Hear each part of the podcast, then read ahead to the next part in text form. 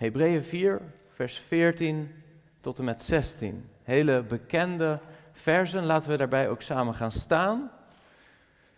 Uit ontzag voor het woord van God. En vervolgens zullen we daar ook samen voor bidden. Hebreeën 4, vers 14. Nu wij dan een grote hoge priester hebben die de hemelen is doorgegaan, namelijk Jezus, de Zoon van God, laten wij aan deze beleidenis vasthouden. Want wij hebben geen hoge priester die geen medelijden kan hebben met onze zwakheden, maar één die in alles op dezelfde wijze als wij is verzocht, maar zonder zonde. Laten wij dan met vrijmoedigheid naderen tot de troon van genade, opdat wij barmhartigheid verkrijgen en genade vinden om geholpen te worden op het juiste tijdstip. Amen. Laten we gaan zitten. Ik moet, en dat is altijd uh, iets wat ik bij onze gemeente opnieuw en opnieuw doe, soms ook wel ja, misschien een beetje vermoeiend voor mensen. Uh, maar zeker als ik in een andere gemeente spreek over de Hebreeënbrief, dan moet ik kort iets zeggen over de brief. Want wij gaan vaak te snel versen uh, lezen, los van de context waarin die versen geschreven zijn. En dat is een slechte gewoonte. Als we echt de diepte van wat de Heilige Geest tot ons wil spreken in een brief of in een boek willen begrijpen, dan moeten we eigenlijk beginnen algemeen iets te weten van waarom is dat boek, waarom is die brief geschreven? Door wie is die geschreven? Aan wie is die geschreven? Wanneer is die geschreven? Om vervolgens wat meer te gaan inzoomen op het hoofdstuk waarin we die versen lezen, om vervolgens te komen bij de versen zelf. We moeten als het ware van buiten naar binnen gaan om uiteindelijk goed te begrijpen wat staat er nu in die versen. En dat is niet altijd makkelijk. We hebben als christenen soms zo onze favoriete versen in de Bijbel. Nou, dit zijn van veel christenen ook zo hun favoriete versen. Ehm, maar dan krijg je soms een beetje een soort t-shirt theologie. christenen die een, wij hebben dat niet zo te zien, maar soms heb je christenen die hebben, hebben op een t-shirt zo een tekst staan, hun favoriete tekst. Johannes 3, vers 16 bijvoorbeeld. Maar een gevaar daarvan kan zijn dat als je zo op zo'n vers gefocust bent, dat je niet meer goed weet wat is nou eigenlijk de context waarin die vers is geschreven. Wat betekent dit vers eigenlijk? Dus kort toch iets over de Hebreeënbrief. De Hebreeënbrief is een brief geschreven door, dat weten we eigenlijk niet. Sommigen denken Paulus. Ik zelf denk niet dat Paulus hem heeft geschreven, maar hij is geschreven door een leider Iemand die betrokken is geweest bij deze gemeente aan wie de brief is geschreven, maar die nu niet daar ter plaatse is. Hij kent de gemeente van binnenuit. Misschien was hij een leider in de gemeente en is hij op dat moment elders. er, zou, er, zijn genoeg speculaties geweest over wie het precies is geweest, maar dat gaan we vandaag niet doen. Daar hebben we de tijd niet voor. Ehm, de brief is geschreven aan een, een gemeente van Joodse christenen. Een apart soort gemeente. Het waren Joden, en dat blijkt onder andere uit het feit dat de auteur van de brief steeds verwijst naar allerlei oud-testamentische voorbeelden. En hij veronderstelt dat zijn publiek weet waar dat over gaat. Zijn publiek is bekend met de geschriften.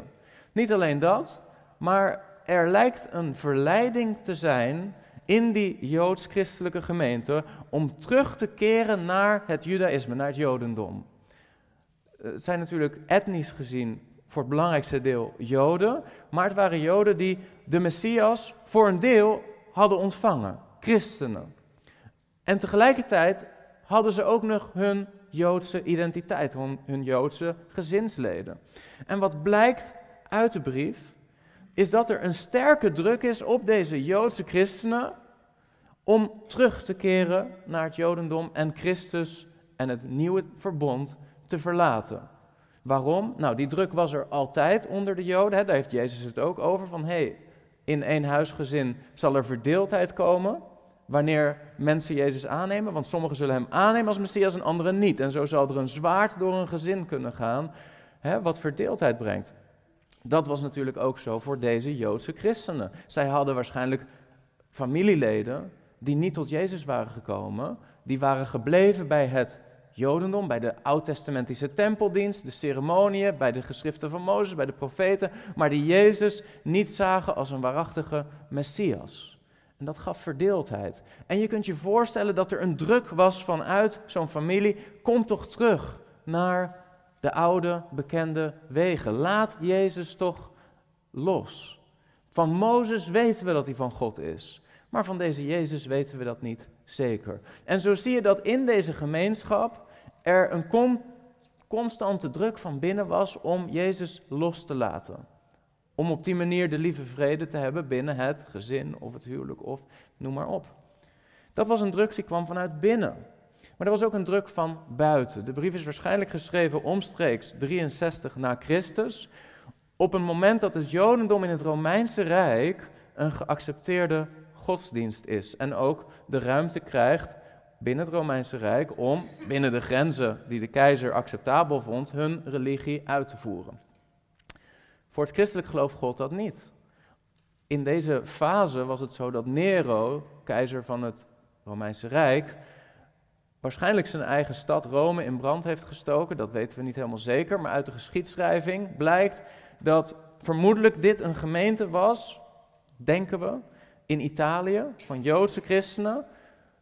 En dat tegelijkertijd daar Rome in brand staat. En Nero, vermoedelijk een, een, beest van een keizer, vermoedelijk zelf dat gedaan heeft, maar christenen daar de schuld van geeft. En vervolgens ontstaat er een grote christenvervolging.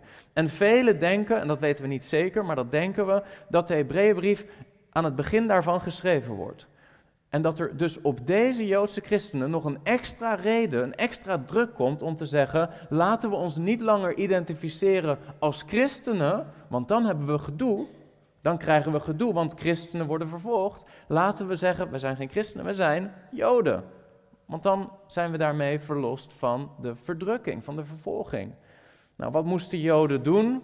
Om weer terug te keren tot het Jodendom, dat was naar de tempel gaan en een offer brengen. En daarmee, als het ware, opnieuw aangeven: ik onderwerp mij en stel mijn vertrouwen in die ceremoniële dienst, die offerdienst van het Levitisch priesterschap en het hele geloofssysteem voortvloeiend uit de wet van Mozes.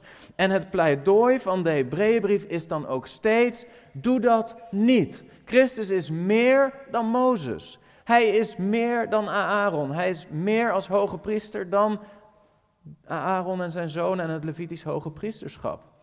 Dat is de context van de brief. En wat je merkt als je de brief leest is dat er een groep mensen in deze gemeenschap is die zich niet heeft gecommitteerd aan Jezus. Die nog niet is binnengegaan in de rust. Die nog niet die stap heeft gezet om te zeggen, ik wil Jezus volgen. En misschien herken je dat wel. Als je opgroeit in een kerk, dan kun je zondag op zondag naar de dienst gaan en het woord gepredikt horen worden. Zeker als kind, als je opgroeit in een gezin, in een kerk. Week op week hoor je de prediking van het woord. En heb je veel kennis en blijft die regen als het ware vallen op de grond van je hart. Maar dat is niet genoeg. Er moet op een gegeven moment een stap gezet worden. Je moet jezelf committeren aan Jezus. En dat is wat de Hebreeënbrief ook zegt in Hebreeën hoofdstuk 4. Ga binnen in de rust. Pas op dat niemand van ons schijnt achter te blijven. Ga binnen. En hoe gaan we binnen? Door geloof. Door ons geloof te stellen op de Heer Jezus als Messias. En je ziet in de Hebreeën gemeente dat er velen zijn die eigenlijk op de wip zitten. Zal ik het wel doen? Zal ik het niet doen? Zal ik gaan of zal ik niet gaan? Dat is de context. En eigenlijk is de brief daarmee een soort vergelijkend ware onderzoek tussen het oude verbond en het nieuwe verbond. misschien als jij een nieuwe computer koopt, of een laptop, of een smartphone, waarschijnlijk een smartphone, dan doe je altijd een stukje onderzoek van welke is eigenlijk de beste, toch? ga je uiteindelijk een iPhone kopen, of neem je toch een Samsung, of nou ja, dan heb je nog een heel segment zeg maar, van telefoons die een stuk goedkoper is. En mensen die, nou ja, die die investering moeten maken, die doen vaak een stukje onderzoek. Welke is eigenlijk de beste? En dan zie je wel eens op internet of zo van die websites, dan kan je het vergelijken. Oké, dit is de iPhone, hij is heel duur, hij kan dit, dit, dit, dit, dit, dit, dit hè, specificatielijst. En dan daarnaast, oké, dit, is de, dit is de Oppo of zo, dat is dan een andere telefoon. En dan dit, dit, dit, dit. En dan ga je kijken, hoe zit het eigenlijk met dit, hoe zit het met dat, hoe zit het met dat. En dan, nou ja, dan kan het zijn dat je ontdekt, eigenlijk is die iPhone beter, maar is wel heel duur. Het is een, een, hoge prijs die ik moet betalen daarvoor. Eigenlijk is de Hebreeënbrief een beetje zo'n soort tabel. De schrijver zegt steeds, Kies voor Jezus, want Hij is in alle opzichten beter. Kies voor het nieuwe verbond, want het is in alle opzichten beter dan dat oude verbond. Het zou niet eens een keuze moeten zijn. Hè? Je proeft ook soms een frustratie in de schrijver van, ga naar binnen. Waar wacht je op? Nou, dat is een beetje hoe je de Hebreeënbrief moet lezen. Zo van hoofdstuk naar hoofdstuk zie je steeds opnieuw dat al die verschillende specificaties van het oude verbond en het nieuwe verbond naast elkaar worden gezet. En steeds is de conclusie, het nieuwe verbond is beter dan het oude verbond. Maar er is een persoonlijke stap nodig. Het is niet genoeg om als het ware van week tot week in een gemeenschap te zijn en jezelf te associëren met die gemeenschap. Hè? Een religieuze associatie. De schrijver zegt: het is niet genoeg, je moet binnengaan, je moet die stap zetten. En in Hebreeën hoofdstuk 4 heeft hij dan over de rust ingaan. En dan vervolgens in Hebreeën 4 vers 11, dat is ook een vers wat veel christenen niet goed begrijpen, maar Hebreeën hoofdstuk 4 vers 11, daar staat, laten wij ons dan beijveren om die rust binnen te gaan, opdat niemand door het volgen van dit voorbeeld van ongehoorzaamheid ten val zal komen. Hij heeft als het ware net ook met voorbeelden laten zien, het was in het Oude Testament niet anders. Israël ging wel als geheel weg uit Egypte, maar in het volk Israël zaten heel veel mensen, die gingen gewoon met de groep mee. Die waren gewoon geassocieerd met de groep, maar waren er niet vanuit hun hart overtuigd van dat God hun ook ergens naartoe wilde leiden en kwamen daardoor ten val. Dan zegt als het het is bij jullie niet anders. Jullie associëren jullie met Christus, maar heb je in je hart ook echt die stap gezet om te zeggen, Heer, ik ben van u en u bent van mij. Ik committeer mijzelf volledig aan u, zoals ze in, in casinos zeggen, ik ga all in. Ik geef alles over. Nou, dat is een stap die moeten jij en ik ook in ons leven gezet hebben. Maar de schrijver van de Hebreeën zegt, ik heb het idee dat velen van jullie wel zich associëren met Christus, maar dat in jullie hart jullie niet die stap gezet hebben. En ik weet het niet zeker, want ik zie alleen de buitenkant. En de buitenkant ziet er misschien mooi en religieus uit, maar ik ken je hart niet. En dan zegt hij dit, let op. Vers 12. Want het woord van God is levend en krachtig en scherper dan enig tweesnijdend zwaard. En het dringt door tot op de scheiding van ziel en geest, van gewrichten en merg. En het oordeelt de overlegging en de gedachten van het hart. En er is geen schepsel onzichtbaar voor hem, maar alles ligt naakt en ontbloot voor de ogen van hem aan wie wij rekenschap hebben af te leggen. Dat vers kennen we, hè? dat wordt vaak geciteerd. Het woord van God is levend en krachtig. Maar waarom zegt hij dat? Het is een hele ernstige waarschuwing. Hij zegt eigenlijk: hey, ik kan jouw hart niet zien. Ik weet niet of jij die stap hebt gezet tot Jezus, maar God ziet je hart. Het is niet een bemoedigend vers, het is een waarschuwing. Het is een waarschuwing die zegt: Ik ken je hart niet, maar God kent je hart en Hij weet of dat je echt die stap hebt gezet om jezelf toe te vertrouwen aan Jezus. En dan komen die, verzen. En die ernstige waarschuwing, die zou ons tot wanhoop kunnen drijven. En tot twijfel. Ben ik wel echt tot Jezus gegaan? En dat is vaak zo met vermanende preken. Het is goed om een vermaning te krijgen. Het is goed om een ernstige preek te horen. En tegelijkertijd kan het zijn dat ook oprechte gelovigen daarmee gaan twijfelen. Heer, heb ik die stap dan wel gezet? En dat is niet Gods wil. Het is niet Gods wil dat we blijven twijfelen over ben ik gered? Ben ik binnengegaan? En dus komen dan de versen waar we vandaag naar kijken. Dat is de context. Dan komt de bemoediging. Want misschien doordat hij zegt, het woord van God is levend en krachtig en scherper dan enig tweesnijdend zwaard. En je beseft, het gaat over mij. God kent mijn hart. Ben ik wel echt gegaan? En je begint te twijfelen en tot wanhoop raakt dan staat er vers 14, nu wij dan een grote hoge priester hebben. Nu komt de troost. Nu komt eigenlijk na de vermaning de aansporing, blijf niet naar jezelf en je eigen hart kijken, maar ga nu kijken naar onze grote hoge priester. Wie hebben wij? De Heilige Geest, wanneer Hij vermaant, zal die ook altijd bemoedigen. De Heilige Geest zal nooit alleen maar een een heftige waarschuwing neerleggen zonder ook een bemoedigende naboodschap te geven en een uitnodiging. En dan komen we in vers 14. Als je nu iets ziet van de context.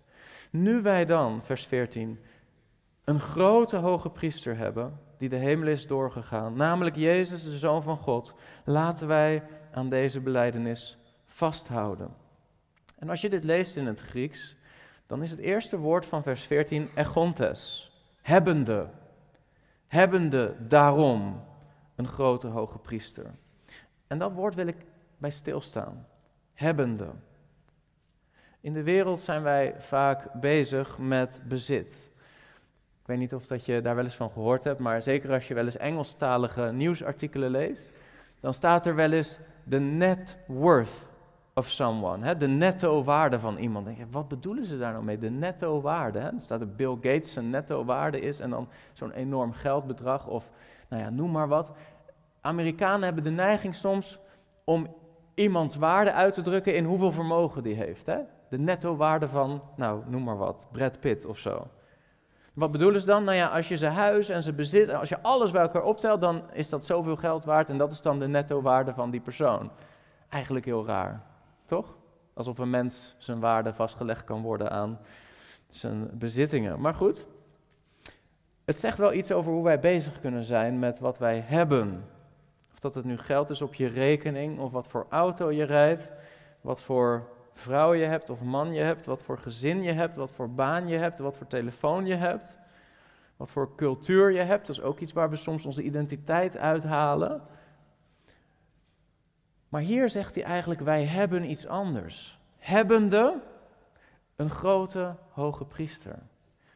En dan wil ik eigenlijk vandaag de rest van de tijd die we hebben bij stilstaan. Van, besef jij wat jij hebt? Beseffen wij wat wij hebben? Beseffen wij hoe rijk wij zijn doordat wij deze grote hoge priester hebben?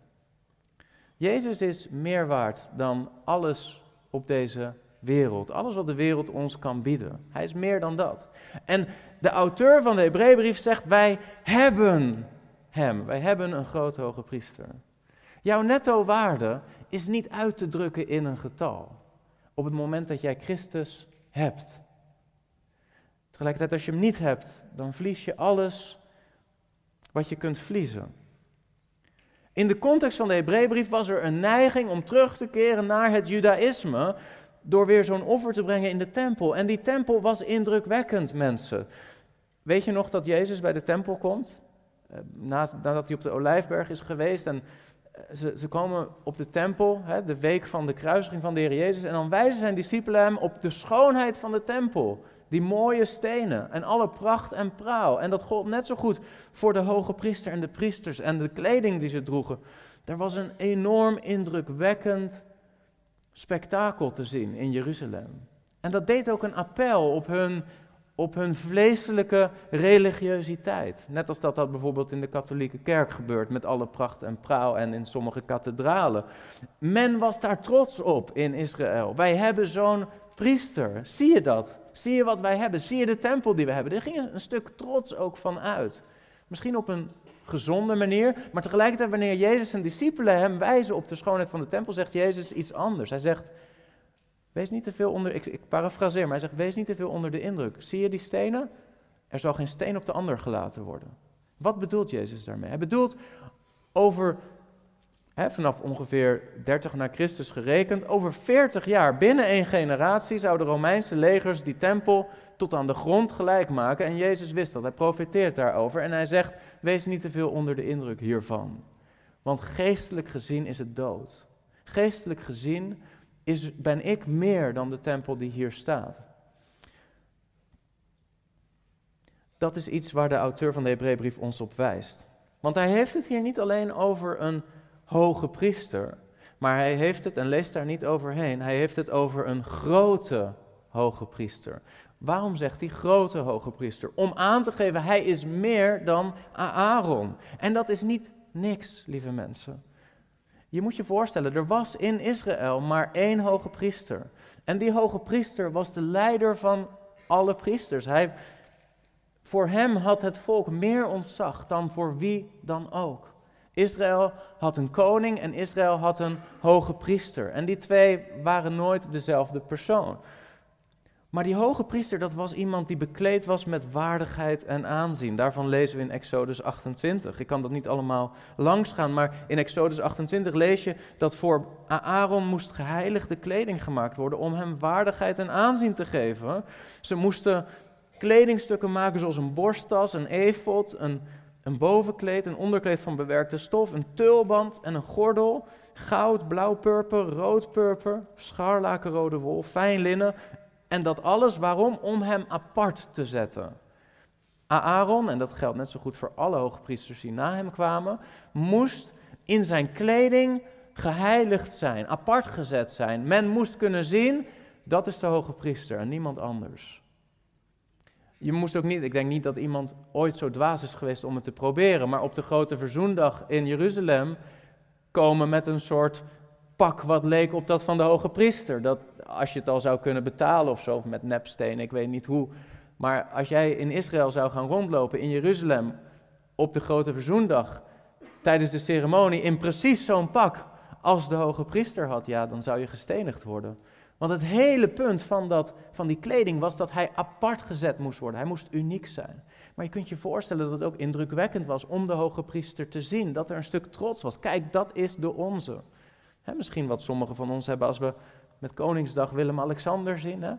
Of juist niet, ik weet het niet. Maar in Israël was dat gevoel veel sterker. Dat gevoel, hij is onze vertegenwoordiger. En die hoge priester, zoals ook bij het kindermoment werd gedeeld, had allerlei taken en verantwoordelijkheden, maar zijn grootste voorrecht was dat hij op Yom Kippur, de grote verzoendag, één keer per jaar binnen mocht gaan in de tempel, in een gedeelte waar nooit iemand binnen mocht gaan, het heilige der heiligen. En dan staat er in Leviticus hoofdstuk 16 staat er vers 2. Spreek tot uw broer Aaron en zeg dat hij niet te alle tijden in het heiligdom binnen het voorhangsel mag komen, voor het verzoendeksel dat op de ark ligt, opdat hij niet sterft. Opdat hij niet sterft, want ik verschijn in de wolk op het verzoendeksel. Dus zelfs de hoge priester, de meest apart gezette man om dienst te doen in de tempel, mocht daar op zeer uitzonderlijke momenten binnengaan. Maar als hij binnenging op momenten die niet daarvoor bestemd waren, zou ook hij zelf sterven. En dat zegt ons iets over de ernst om dicht bij God te kunnen naderen. Hoe ingewikkeld dat was. Hoe onmogelijk dat was. En dan lezen we verder in Leviticus 16, vers 17. Geen enkel mens mag in de tent van ontmoeting zijn als hij er binnen gaat om in het heiligdom verzoening te doen, totdat hij naar buiten komt. Dus wij moeten er niet overheen lezen. Besef dat de hoge priester voor Joden, dat was iemand die zo apart gezet was, zo heilig, zo uniek. En dan zegt de auteur van de Hebreeënbrief, ja, maar wij hebben een grote hoge priester. Iemand die groter is dan hij. Lees daar niet overheen. Wij hebben een grote hoge priester. Een argieria megan. Argieria is het Griekse woord voor een hoge priester, Megan, groot. Hij wil benadrukken dat wij iets meer hebben dan slechts de hoge priester van Israël. En wat staat er dan? Hij is niet slechts binnengegaan in het voorhangsel, in die aardse tempel of tabernakel, maar hij is de hemelen doorgegaan. Ook daar moeten we niet overheen lezen. Hij is de hemelen doorgegaan. Waar is de Heer Jezus binnengegaan na zijn hemelvaart? Niet slechts de hemel, maar er staat de hemelen, meervoud. Waarom doet hij dat? Om aan te geven dat Jezus zo dicht bij de troon van God is binnengegaan als je kunt komen. Hij zit niet in een soort eerste hemel, terwijl God de Vader ergens in de zevende hemel zit, of de derde hemel, of hoeveel hemelen er dan ook zijn. Hè? Het hangt een beetje vanaf of dat je de Koran leest of de, de hadith, de islam gelooft dat er wel zeven hemelen zijn. Paulus heeft het over een derde hemel waar hij is binnengegaan. Maar de auteur kiest er bewust voor om te hebben, hij is de hemelen doorgegaan. Met andere woorden, hij is zo dicht bij de troon van de Vader als dat iemand maar zou kunnen En dat wordt benadrukt in Hebreeën hoofdstuk 8, vers 1. Daar staat de hoofdzaak van de dingen waarover wij spreken is dit. Zo'n hoge priester hebben wij, een die zich heeft gezet aan de rechterhand van de troon van de majesteit in de hemelen. En Hebreeën 7, vers 26. Zo'n hoge priester hadden wij nodig. Heilig, onschuldig, onbesmet, afgescheiden van de zondaars en boven de hemelen verheven.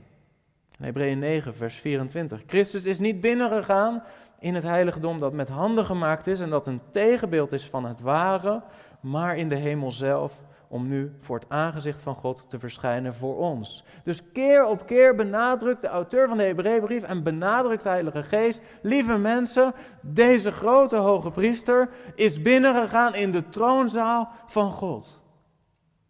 Zevende Dags Adventisten, dat is dus een zijnoot, maar die geloven dat pas in het jaar 1844 Jezus is binnengegaan in het heilige der heiligen in de hemel.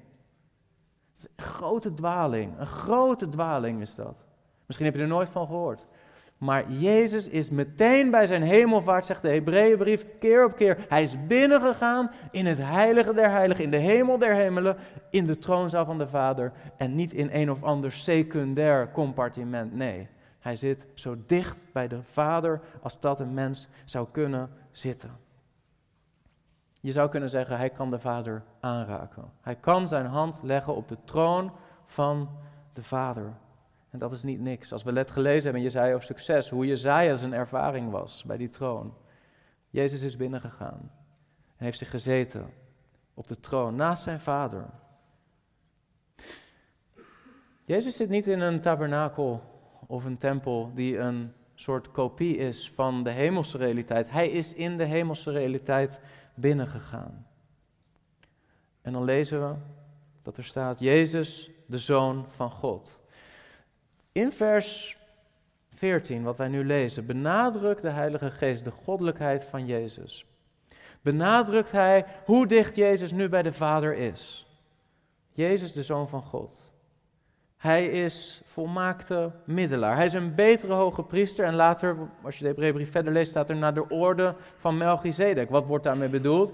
Melchizedek, een mysterieuze figuur, komen we tegen in Genesis hoofdstuk 14. Maar er zijn, er zijn twee dingen die bedoeld worden met die vergelijking met Melchizedek. En dat is Melchizedek, hij was zowel koning als priester. En Jezus is zowel koning als priester. Dat was Aaron nooit, zijn zonen ook nooit, de Levieten nooit. Dat waren priesters en er was een andere koning. Maar Melchizedek, hij was koning en priester en Jezus Christus is koning en priester. Maar niet alleen dat, Melchizedek, hij had geen begin, geen eind. We zien in de Bijbel niet wanneer hij is geboren, wanneer hij is gestorven. En de auteur van de Hebreeënbrief zegt, dat is een beeld van Jezus. Want Jezus, hij heeft geen begin en geen einde. Hij is eeuwig en net als Melchizedek, van wie we denk ik wel kunnen vaststellen dat het een mens is die wel is gestorven, maar van wie als het ware een typebeeld ligt van Christus. Jezus, hij is hoge priester en koning voor eeuwig. Zijn bediening stopt niet. Dat is de reden dat die gelijkenis met Melchizedek wordt gemaakt. En daar moeten we ook niet overheen lezen. Er is een moment dat Jezus als hoge priester naar de orde van Melchizedek voor de hoge priester staat naar de ordening van Aaron, naar de ordening van de Levieten. Weten jullie nog wanneer dat moment is? Kort voor Jezus' kruisiging, bij zijn veroordeling, staat Jezus voor de hoge priester in Matthäus 26. En dan moet je niet overheen lezen wat daar staat, want hier, wordt, hier zijn twee hoge priesters die elkaar aankijken. En dan staat daar Matthäus 26, vers 63. Maar Jezus zweeg. En de hoge priester antwoordde hem: Ik bezweer u bij de levende God dat u ons zegt of u de Messias bent, de zoon van God.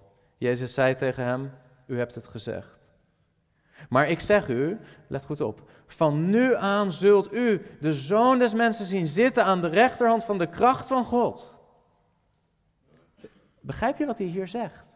zegt jij bent een hoge priester en jij doet dienst in een beeld van het hemelse, maar je zult mij, hoge priester, straks zien op de plek waar het echt om gaat. Je zult de hemel open zien en de zoon des mensen gezeten aan de rechterhand van de macht.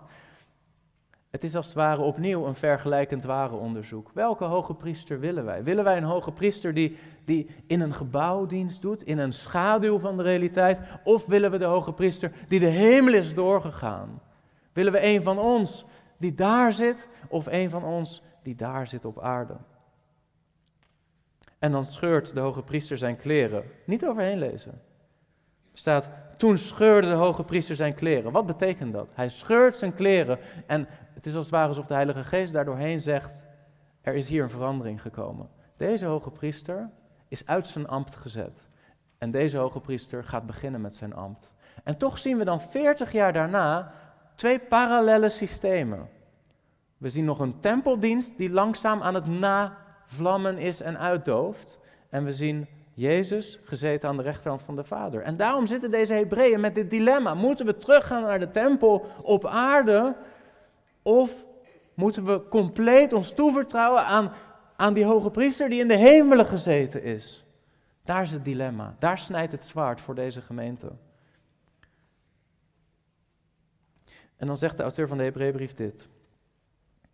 Laten wij aan deze beleidenis vasthouden. Welke beleidenis? Aan de beleidenis dat wij een grote hoge priester hebben die de hemel is doorgegaan. Die beleidenis moeten we vasthouden. Hou je die beleidenis vast in jouw leven? Dat wat er ook gebeurt, één ding weet jij, één ding weet ik. Ik kan alles kwijtraken, maar ik heb iets wat mij schatrijk maakt. Ik heb een hoge priester in de hemelen. Een hoge priester bij de troon van God. Jezus is binnengegaan en gezeten op een plek waar geen mens ooit binnen is gegaan. De troonzaal van God. En nou zou je kunnen denken, als je vers 14 alleen zou lezen, is Jezus nu niet net zo ver van mij verwijderd als God, de Vader, was? Want als Hij gezeten is daar aan de troon van de Vader, aan de rechterhand van de macht, als Hij daar is en ik ben hier, is Hij dan nu nog wel in staat om zich tot mij te verhouden? Of zit ik nu eigenlijk in precies dezelfde situatie van een God die heel ver weg is en ik die, die hier ben op aarde? Broeder Chris, het is goed dat je zegt dat Jezus zo dichtbij de Vader is. En dat hij zijn hand kan leggen op die troon, maar kan hij nu zijn hand nog wel leggen op mij? Of is hij als het ware net zo anoniem geworden, net zo ver verwijderd van mij als dat God was? En dan komt vers 15, let goed op. Want wij hebben, weer dat hebben, hè? Wat hebben wij? Daar gaat het om. Want wij hebben geen hoge priester die geen medelijden kan hebben met onze zwakheden, maar één die in alles op dezelfde wijze als wij is verzocht, maar zonder zonde. Broeder Chris, Jezus, hij is zo dicht bij de Vader. Kan hij mij nog wel aanraken? En dan staat er hier een dubbele ontkenning. Wij hebben geen hoge priester. Met andere woorden, je zou het ook zo kunnen zeggen: wij hebben een hoge priester die medelijden heeft met onze zwakheden. Zo zou je het kunnen lezen. En dan staat er in het Grieks, en dat is zo mooi, dan staat er sympathesai thais astenaiais hemon. Let op dat woord sympathesai. Wat denk je dat dat betekent? Sympathesai. Waar, komt dat, waar lijkt dat woord op? Sympathie. Sympathie. Wij hebben wel dat woord een beetje verzwakt soms, hè? van ja, Christ, dat is een sympathieke kerel of zo. Dat is niet wat het woord betekent, hè? van een aardig iemand of zo. Nee, wat er staat is sympathie uit het Grieks. Als je het echt goed naar het Nederlands wil vertalen, dan is eigenlijk de herziene statenvertaling een hele goede vertaling, want dan staat er medelijden. Medelijden. Hij, heeft, hij kan medelijden hebben met onze zwakheden. In het Engels het woord sympathy je kan het ook zo vertalen, compassie. Compassie is eigenlijk ook hetzelfde woord. Jezus is een hoge priester die compassie kan hebben, die sympathie kan hebben, die medelijden kan hebben voor onze zwakheden. En wat is dat? Sympathie, staat hier in het Engels, ik heb dat ergens opgezocht. Sympathy is the perception of, understanding of and reaction to the distress or need of another. Ik vertaal het eventjes. Sympathie is de perceptie van het begrijpen van of de reactie op de nood, de stress van een ander. En in Cambridge woordenboek staat er het begrijpen en zorgen voor iemand anders in zijn lijden. Dat is wat medelijden. medelijden betekent, ik zie het lijden van de ander en ik kan naast die ander gaan zitten en met die persoon meelijden, want ik kan me relateren tot datgene waar hij of zij doorheen gaat. Jezus is geen hoge priester die geen medelijden kan hebben. Dit is, dit is een heel diepe realiteit. En ik kom daar straks verder op. Maar waarom is dat? Waarom is dat? Staat er, omdat hij in alles op dezelfde wijze als wij is verzocht, maar zonder zonde. Jezus, hij kende menselijke zwakheden. In Jezaja hoofdstuk 53, daar lezen we dat Jezus wordt genoemd, Jezaja 53 vers 3, hij was veracht, de onwaardigste onder de mensen, een man van smarten. In het Roemeens hebben wij een lied, um, Om al dureri miel divin, peresi de tots. En dat is gebaseerd op deze tekst. Man van smarten, lam van God, verlaten door alle mensen.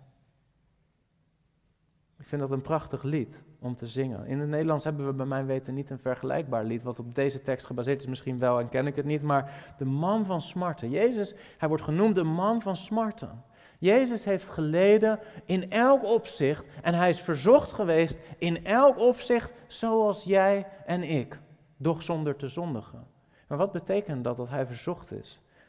Nou, we kunnen daar wel, we kunnen daar wel iets over begrijpen. Hij is opgegroeid als kind van onvolmaakte ouders, zoals wij allemaal. Maar Jozef en Maria waren natuurlijk geen perfecte mensen. Dat waren ook gewoon zondaren zoals jij en ik. Er zou ongetwijfeld af en toe ruzie geweest zijn in dat gezin. Er zou ongetwijfeld spanning geweest zijn in dat gezin. Jezus groeit als kind op met onvolmaakte ouders als volmaakte zoon des mensen en zoon van God. En daar zal allerlei verzoeking geweest zijn in die fase van zijn leven. En vervolgens lezen we dat aan het einde van de bediening van Jezus aan het kruis Maria daar alleen staat en Jozef niet meer in beeld lijkt te zijn. Waarschijnlijk is hij overleden ergens. Dus Jezus weet wat het is om je aardse vader te verliezen. Daar lijkt het op. Jezus weet vervolgens, we lezen ook dat Jezus vier broers had en minimaal twee zussen, dus dat zal ongetwijfeld een groot gezin geweest zijn. Met het sterven van Jozef zou Jezus als oudste zoon verantwoordelijkheid hebben gedragen voor dat gezin. Jezus weet wat het is om verantwoordelijkheid te dragen. Jezus weet wat het is om te werken als timmerman. Jezus weet wat het is om je partner te verliezen in geestelijke bediening. Johannes de Doper die sterft tijdens de bediening van de Heer Jezus. En we zien hoe dat hem ook raakt. Jezus weet wat het is om honger te hebben. Jezus weet wat het is om dorst te hebben. Hij weet wat het is om vermoeid te zijn. Hij weet wat het is wanneer anderen over je roddelen of leugens over je vertellen. Hij weet hoe, hoe sterk dan de druk kan zijn om te zondigen. Terwijl hij heeft nooit gezondigd, maar hij weet wel wat het is als anderen kwaad over je spreken. Hij weet wat het is om bespot te worden. Hij weet wat het is om verdriet en angst door te maken. Hij weet wat het is om steeds opnieuw onbegrip, zelfs van je eigen discipelen, te ervaren. Hij weet wat het is om verraden te worden door een van je beste vrienden. Jezus is in elk opzicht verzocht, zoals jij en ik, doch zonder te zondigen. Het is, het is relatief gezien vrij makkelijk om heilig te leven als je omringd wordt door allemaal mensen die heilig leven. Maar wanneer je met je voet in de modder staat, wanneer je mensen om je heen hebt die zondigen, mensen die je pijn doen, mensen die je kwetsen, mensen die oneerlijk zijn, mensen die over je roddelen, mensen die andere mensen tegen je opzetten, probeer dan nog maar heilig te zijn. Jezus kent al die situaties. Hij kent die verdrukking, hij kent het verdriet. Het verschil is, Jezus, hij had geen zonde in het vlees. Jezus, hij had geen zondige natuur. Hij werd niet verzocht door zijn eigen vleeselijke begeerte, maar hij werd wel verzocht van buitenaf. Door situaties die druk op hem stelden, maar ook door de duivel. Daarvan lezen we wanneer die verzocht wordt in de woestijn. En ondanks dat alles deed hij altijd de volmaakte wil van zijn vader. Het is niet alleen dat hij nooit heeft gezondigd, maar te midden van elke verzoeking deed hij altijd wat zijn vader wilde. Hij deed altijd de volmaakte wil van zijn vader. Jezus zegt zelf, die mij gezonden heeft, is met mij. De vader heeft mij niet alleen gelaten, omdat ik altijd doe wat hem welgevallig is. Johannes 8, vers 29. Hebreeën hoofdstuk 5, vers 7, een paar versen na de tekst die wij nu lezen, daar wordt dat nog eens extra krachtig aangegeven, dat Jezus verzocht is zoals wij, in Hebreeën 5, vers 7, er staat: In de dagen dat hij op aarde was, heeft hij met luid geroep en onder tranen gebeden en smeekbeden geofferd aan hem die hem uit de dood kon verlossen. En hij is uit de angst verhoord. Hoewel hij de zoon was, heeft hij toch gehoorzaamheid geleerd uit wat hij heeft geleden. En toen hij volmaakt was geworden, is hij voor allen die hem gehoorzamen een oorzaak van eeuwige zaligheid geworden.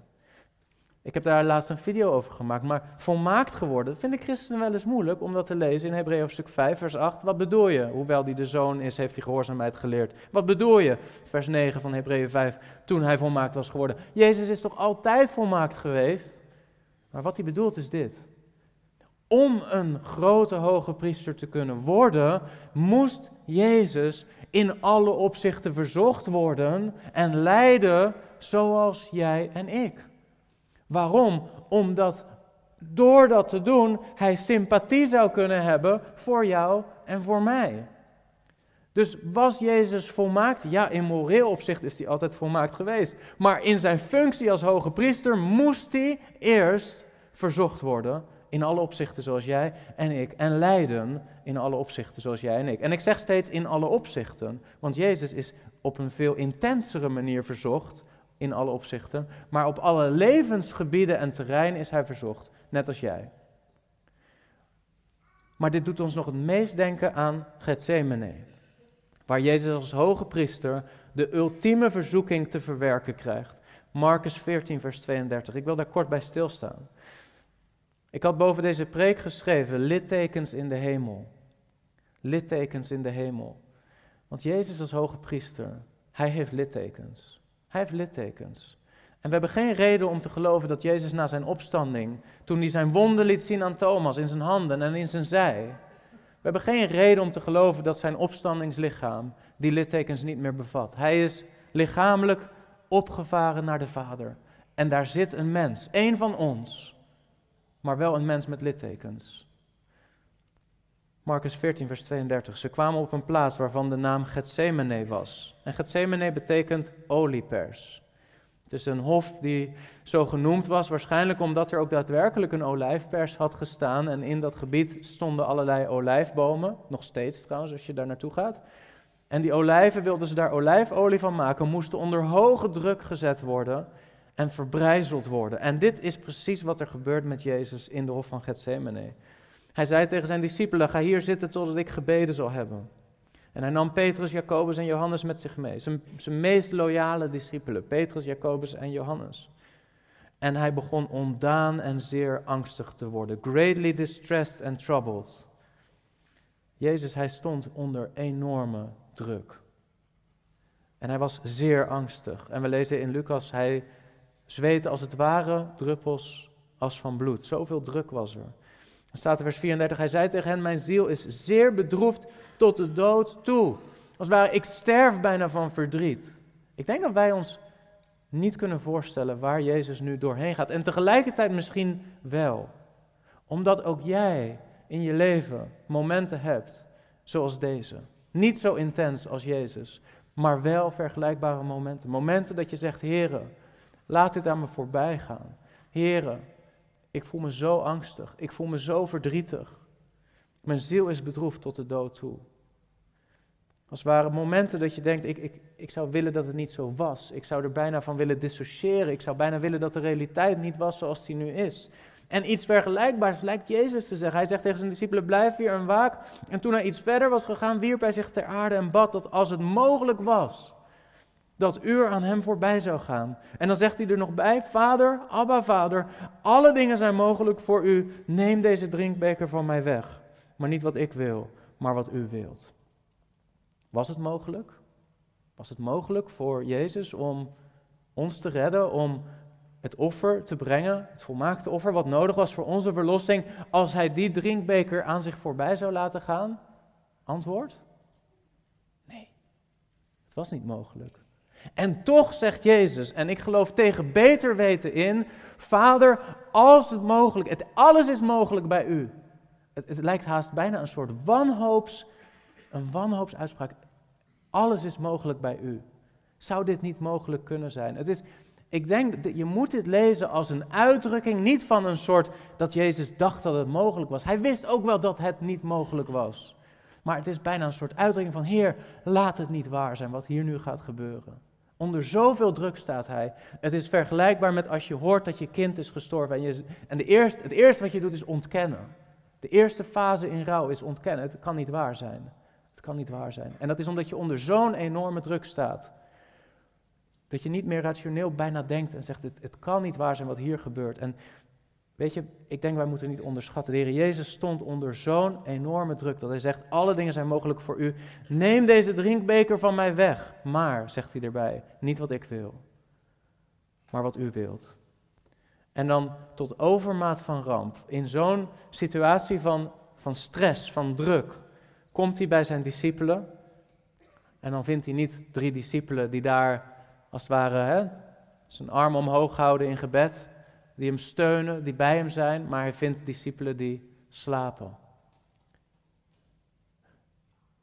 Precies de omgedraaide situatie van die keer dat Jezus met zijn discipelen in een boot zit en ze zitten op een storm, op een meer.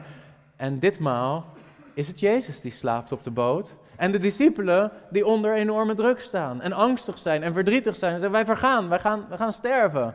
Waar is Jezus? Ja, hij ligt te slapen. Hoe kan hij slapen op dit moment? Jezus, hij was niet bang voor een storm op een meer. Maar wat hier nu gaat gebeuren, daar was Jezus bang voor. Wat zat er in de beker waar Jezus bang voor was? Het was niet zozeer het kruis, het was niet zozeer het sterven. Er zijn mensen zingend naar het kruis gegaan. Jezus was niet bang voor de dood. Jezus was niet bang voor het sterven. Jezus was bang voor wat er in die beker zat. En wat zat er in die beker? Het onverdunde oordeel over zonde, wat jij en ik hadden moeten ontvangen. Dat zat in de beker. Jezus staat op het punt om het oordeel over zich heen te krijgen wat jij en ik verdiend hadden. Die breuk in de relatie met zijn vader, waarin hij voor het eerst gaat ervaren wat het is om in jouw schoenen te staan. Dat is wat er gebeurt. Dat is wat er op het punt staat te gebeuren. En toch zegt Jezus elke keer, ondanks deze enorme zielendruk, zegt hij, maar niet mijn wil, maar uw wil geschieden. Maar weet je, besef je dat Jezus, hij is een hoge priester, hij is gezeten bij de Vader en wij bidden tot hem. Maar Jezus is een hoge priester die zelf weet wat het is om te bidden. Begrijp je dat?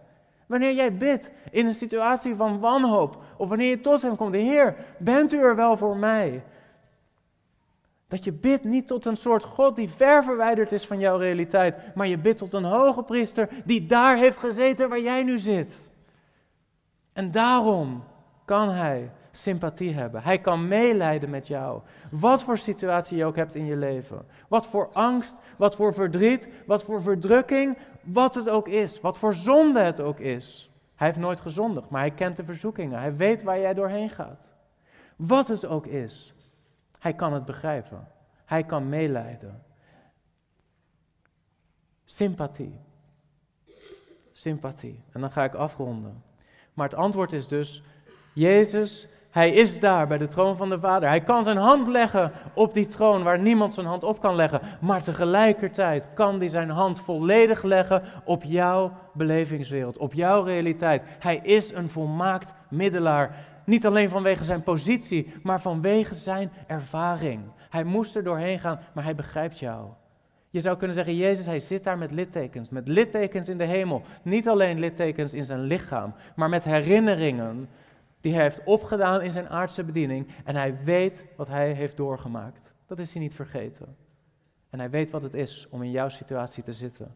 En dan komen we bij vers 16. Laten we dan met vrijmoedigheid naderen tot de troon van genade. En dit is zo belangrijk en dit is wat veel mensen niet zien. Als er staat laten we dan, dan staat er in het Grieks een woord dat is un. Pros ergo meta un. En dat woord un betekent daarom. Waarom mogen wij met vrijmoedigheid naderen tot de troon van genade? Waarom? Niet omdat jij goed bent, niet omdat jij het waard bent, maar omdat de hoge priester sympathie heeft voor jou en weet van jouw zwakheden. Daarom. Er zijn zoveel mensen die zeggen: Ik durf niet tot de troon van God te gaan, want Hij is zo heilig en ik ben zo zondig en hij, hij kan mij niet begrijpen, ik ben onwaardig om te gaan. Maar nergens zegt de Bijbel dat je tot God zou moeten gaan op grond van jouw waardigheid. Waarom gaan we vrijmoedig tot de troon van genade? Omdat Jezus sympathie heeft voor jou. Weet je nog die ene keer dat er een man was die roept, Jezus, Jezus, kom tot mij. Hij wilde genezen worden. En de menigte zei, ach, laat de meester met rust. zo van, hij heeft toch geen tijd voor jou, hij heeft wel betere dingen te doen. En dan roept Jezus hem. En dan zeggen ze opeens, Kom, de meester heeft u geroepen. Dat is de reden dat we mogen gaan. We gaan niet omdat we waardig zijn. We gaan niet omdat Jezus tijd zou moeten hebben van ons. We gaan omdat de meester ons heeft geroepen en omdat hij sympathie heeft voor jou en voor mij. Daarom gaan we met vrijmoedigheid tot Hem. En dan staat er, waarom gaan we? Waarom? Met welk doel?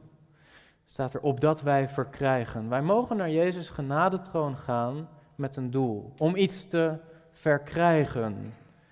Je moet je voorstellen, dit gaat niet alleen maar over christenen die bemoedigd worden om elke dag naar de troon van genade te gaan. Hè? De context van de Hebreeënbrief, wat was het ook alweer? Christenen die twijfelden, Joden die twijfelden. Zal ik me volledig toevertrouwen aan Jezus als Messias? Dat is in eerste instantie de oproep hier. Ga binnen in de rust. Ga naar die troon van genade.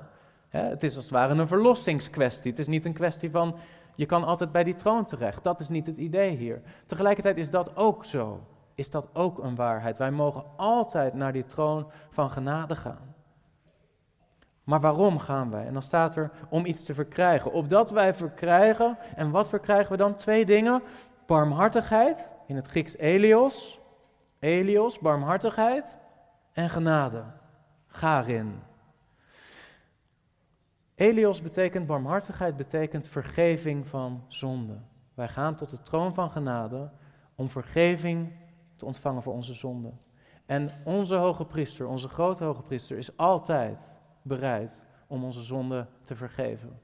Hij weet waar je in zit. Hij weet wat voor soort verzoekingen je doormaakt. Hij weet dat jij bent gevallen daar waar hij heeft stand gehouden. Maar hij kan jou begrijpen. En hij is altijd gewillig, wanneer je tot die troon gaat, om barmhartigheid te geven. Waarom? Omdat hij sympathie heeft voor jou. Maar het heet niet de troon van barmhartigheid. Het heet de troon van genade. God wil niet alleen maar vergeving schenken, hij wil iets meer geven dan dat. En dat is genade. We lezen, opdat wij barmhartigheid verkrijgen, dat is één. En twee, genade vinden om geholpen te worden op het juiste tijdstip. Omdat Jezus verzocht is in elk opzicht, zoals jij en ik. Omdat hij zwakheid heeft doorgemaakt. Omdat hij weet wat het is om te lijden. Weet hij ook wat jij nodig hebt om als overwinnaar door elke situatie heen te kunnen gaan. Of dat dat nu ziekte is, of angst, of verdriet, of bespotting door anderen, of strijd in het gezin. Wat het ook is. Jezus weet wat jij nodig hebt in jouw situatie om daar zondeloos en als overwinnaar doorheen te gaan. Dat lezen we ook in de Hebreeënbrief. Hebreeën 2 vers 18. Waarin hij zelf geleden heeft toen hij verzocht werd, kan hij hen die verzocht worden te hulp komen. God wil jou niet alleen vergeving van schonden geven, hij wil je genade geven. En wat is die genade? Hulp te midden van elke verzoeking om te overwinnen. Dat is wat God je wil geven. Hij wil van jou een overwinnaar maken. Hij wil niet alleen een vergeven zondaar van jou maken, hij wil een overwinnaar van jou maken. Christenen zijn geroepen om te leven vanuit de troon van genade. En leven vanuit de troon van genade is wandelen op water. Net als Petrus, die geroepen werd door Jezus. En hij springt uit de boot. En hij gaat naar Jezus toe. En hij loopt eigenlijk in een onmogelijke situatie. Want hij zou eigenlijk het water door moeten zakken. In plaats daarvan loopt hij op het water. En dat is een beeld van wandelen in geloof. En wat bedoel ik daarmee? Wandelen in vertrouwen dat God van je houdt, ondanks wie jij bent. Dat is wat betekent. Niet wandelen in geloof dat dat ik in staat ben om over water te lopen. Dat is onzin. Dat is niet het soort geloof waar de Bijbel het over heeft. Een soort geloof die in zichzelf een soort kracht is om. Nee, nee, nee. Waar de Bijbel het over heeft als we het hebben over geloof, is vertrouwen dat God van jou houdt, ondanks wie jij bent. Wandelen in geloof betekent, ik wandel door de wereld in een onmogelijke situatie. Want ik wandel als een kind van God, terwijl ik eigenlijk weet wie ik ben ben een zondaar. Ik verdien het oordeel van God. Ik verdien niets anders dan om door het water te zakken en te sterven. En toch is er een kracht die mij op dat water houdt. En waar ik op kan vertrouwen. En ik word opgeroepen om daarop te vertrouwen. Wat is die kracht? De liefde van God. De liefde van God is hetgeen wat jou vasthoudt. En wandelen in geloof betekent wandelen in de realiteit dat God betrouwbaar is. En niet alleen dat, dat God van jou houdt en dat er een hoge priester is die jou vasthoudt, die je niet los zal laten.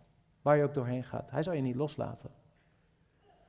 En op het moment dat je je ogen weghaalt van de hoge priester en begint te kijken naar jezelf en naar de storm om je heen en al je eigen verzoekingen en fouten, dan kan het wel eens zijn dat je door het water begint te zakken. Of je eigen onwaardigheid maakt dat je gaat twijfelen.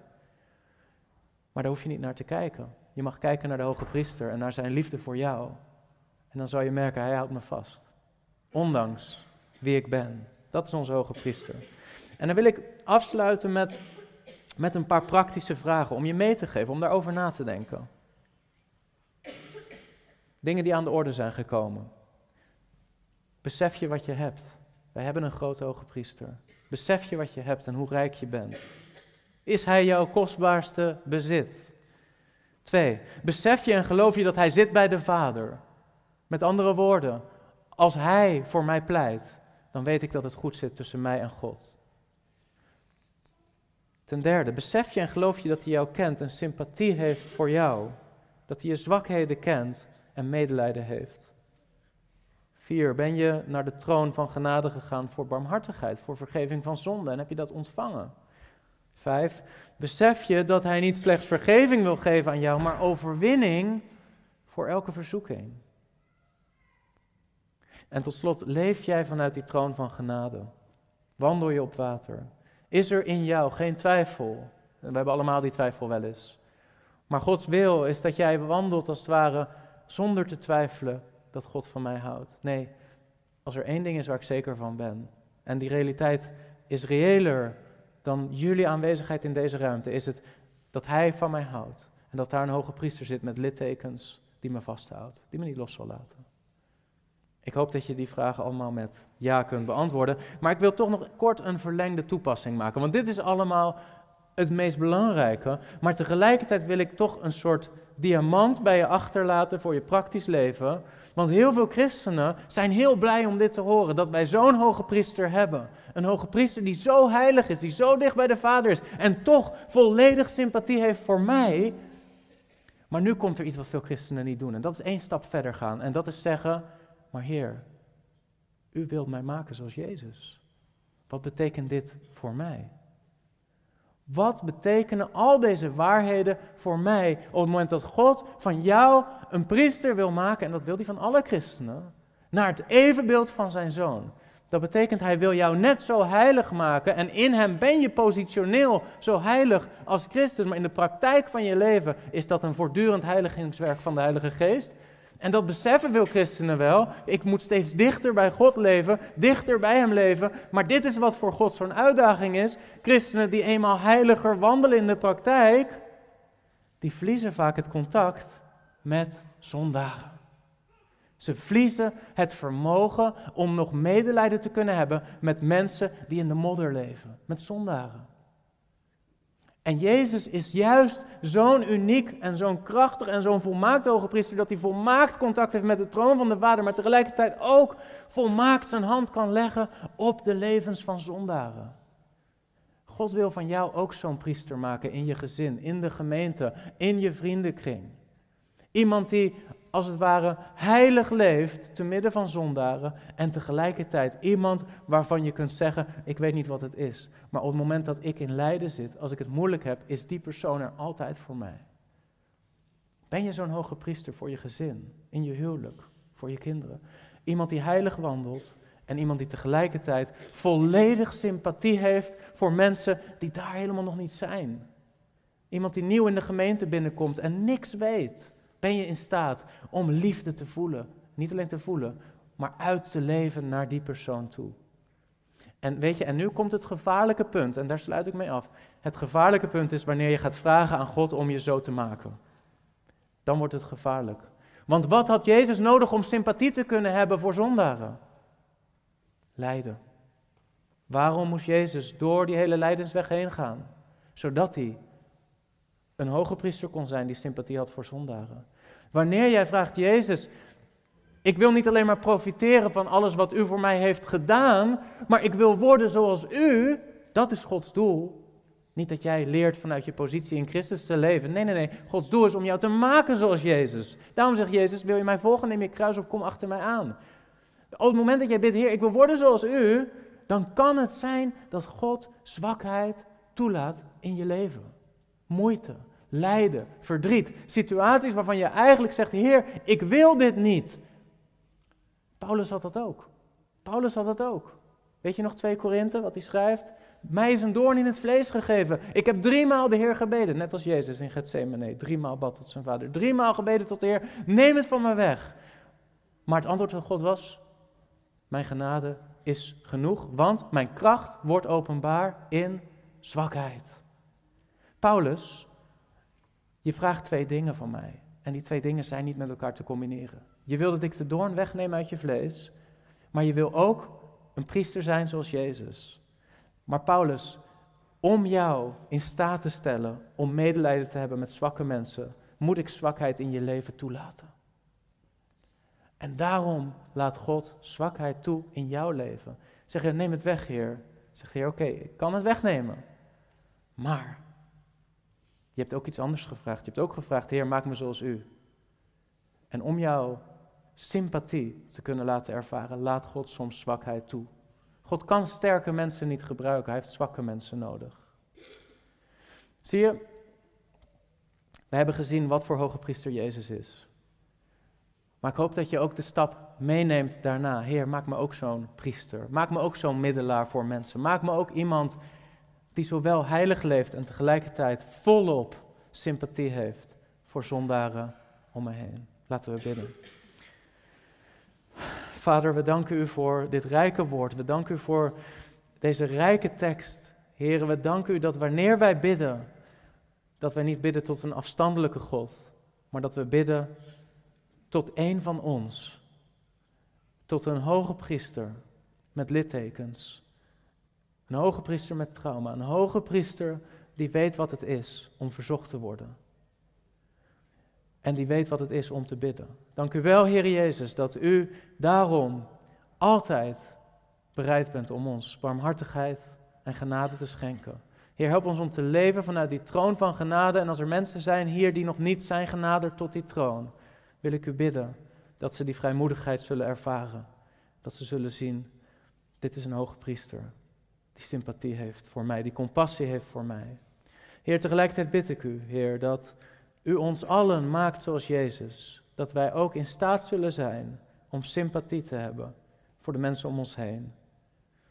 Dank u voor deze tijd, dank u voor dit woord en laat uw Heilige Geest nawerken in onze harten. In Jezus' naam. Amen. We gaan samen nog een lied zingen.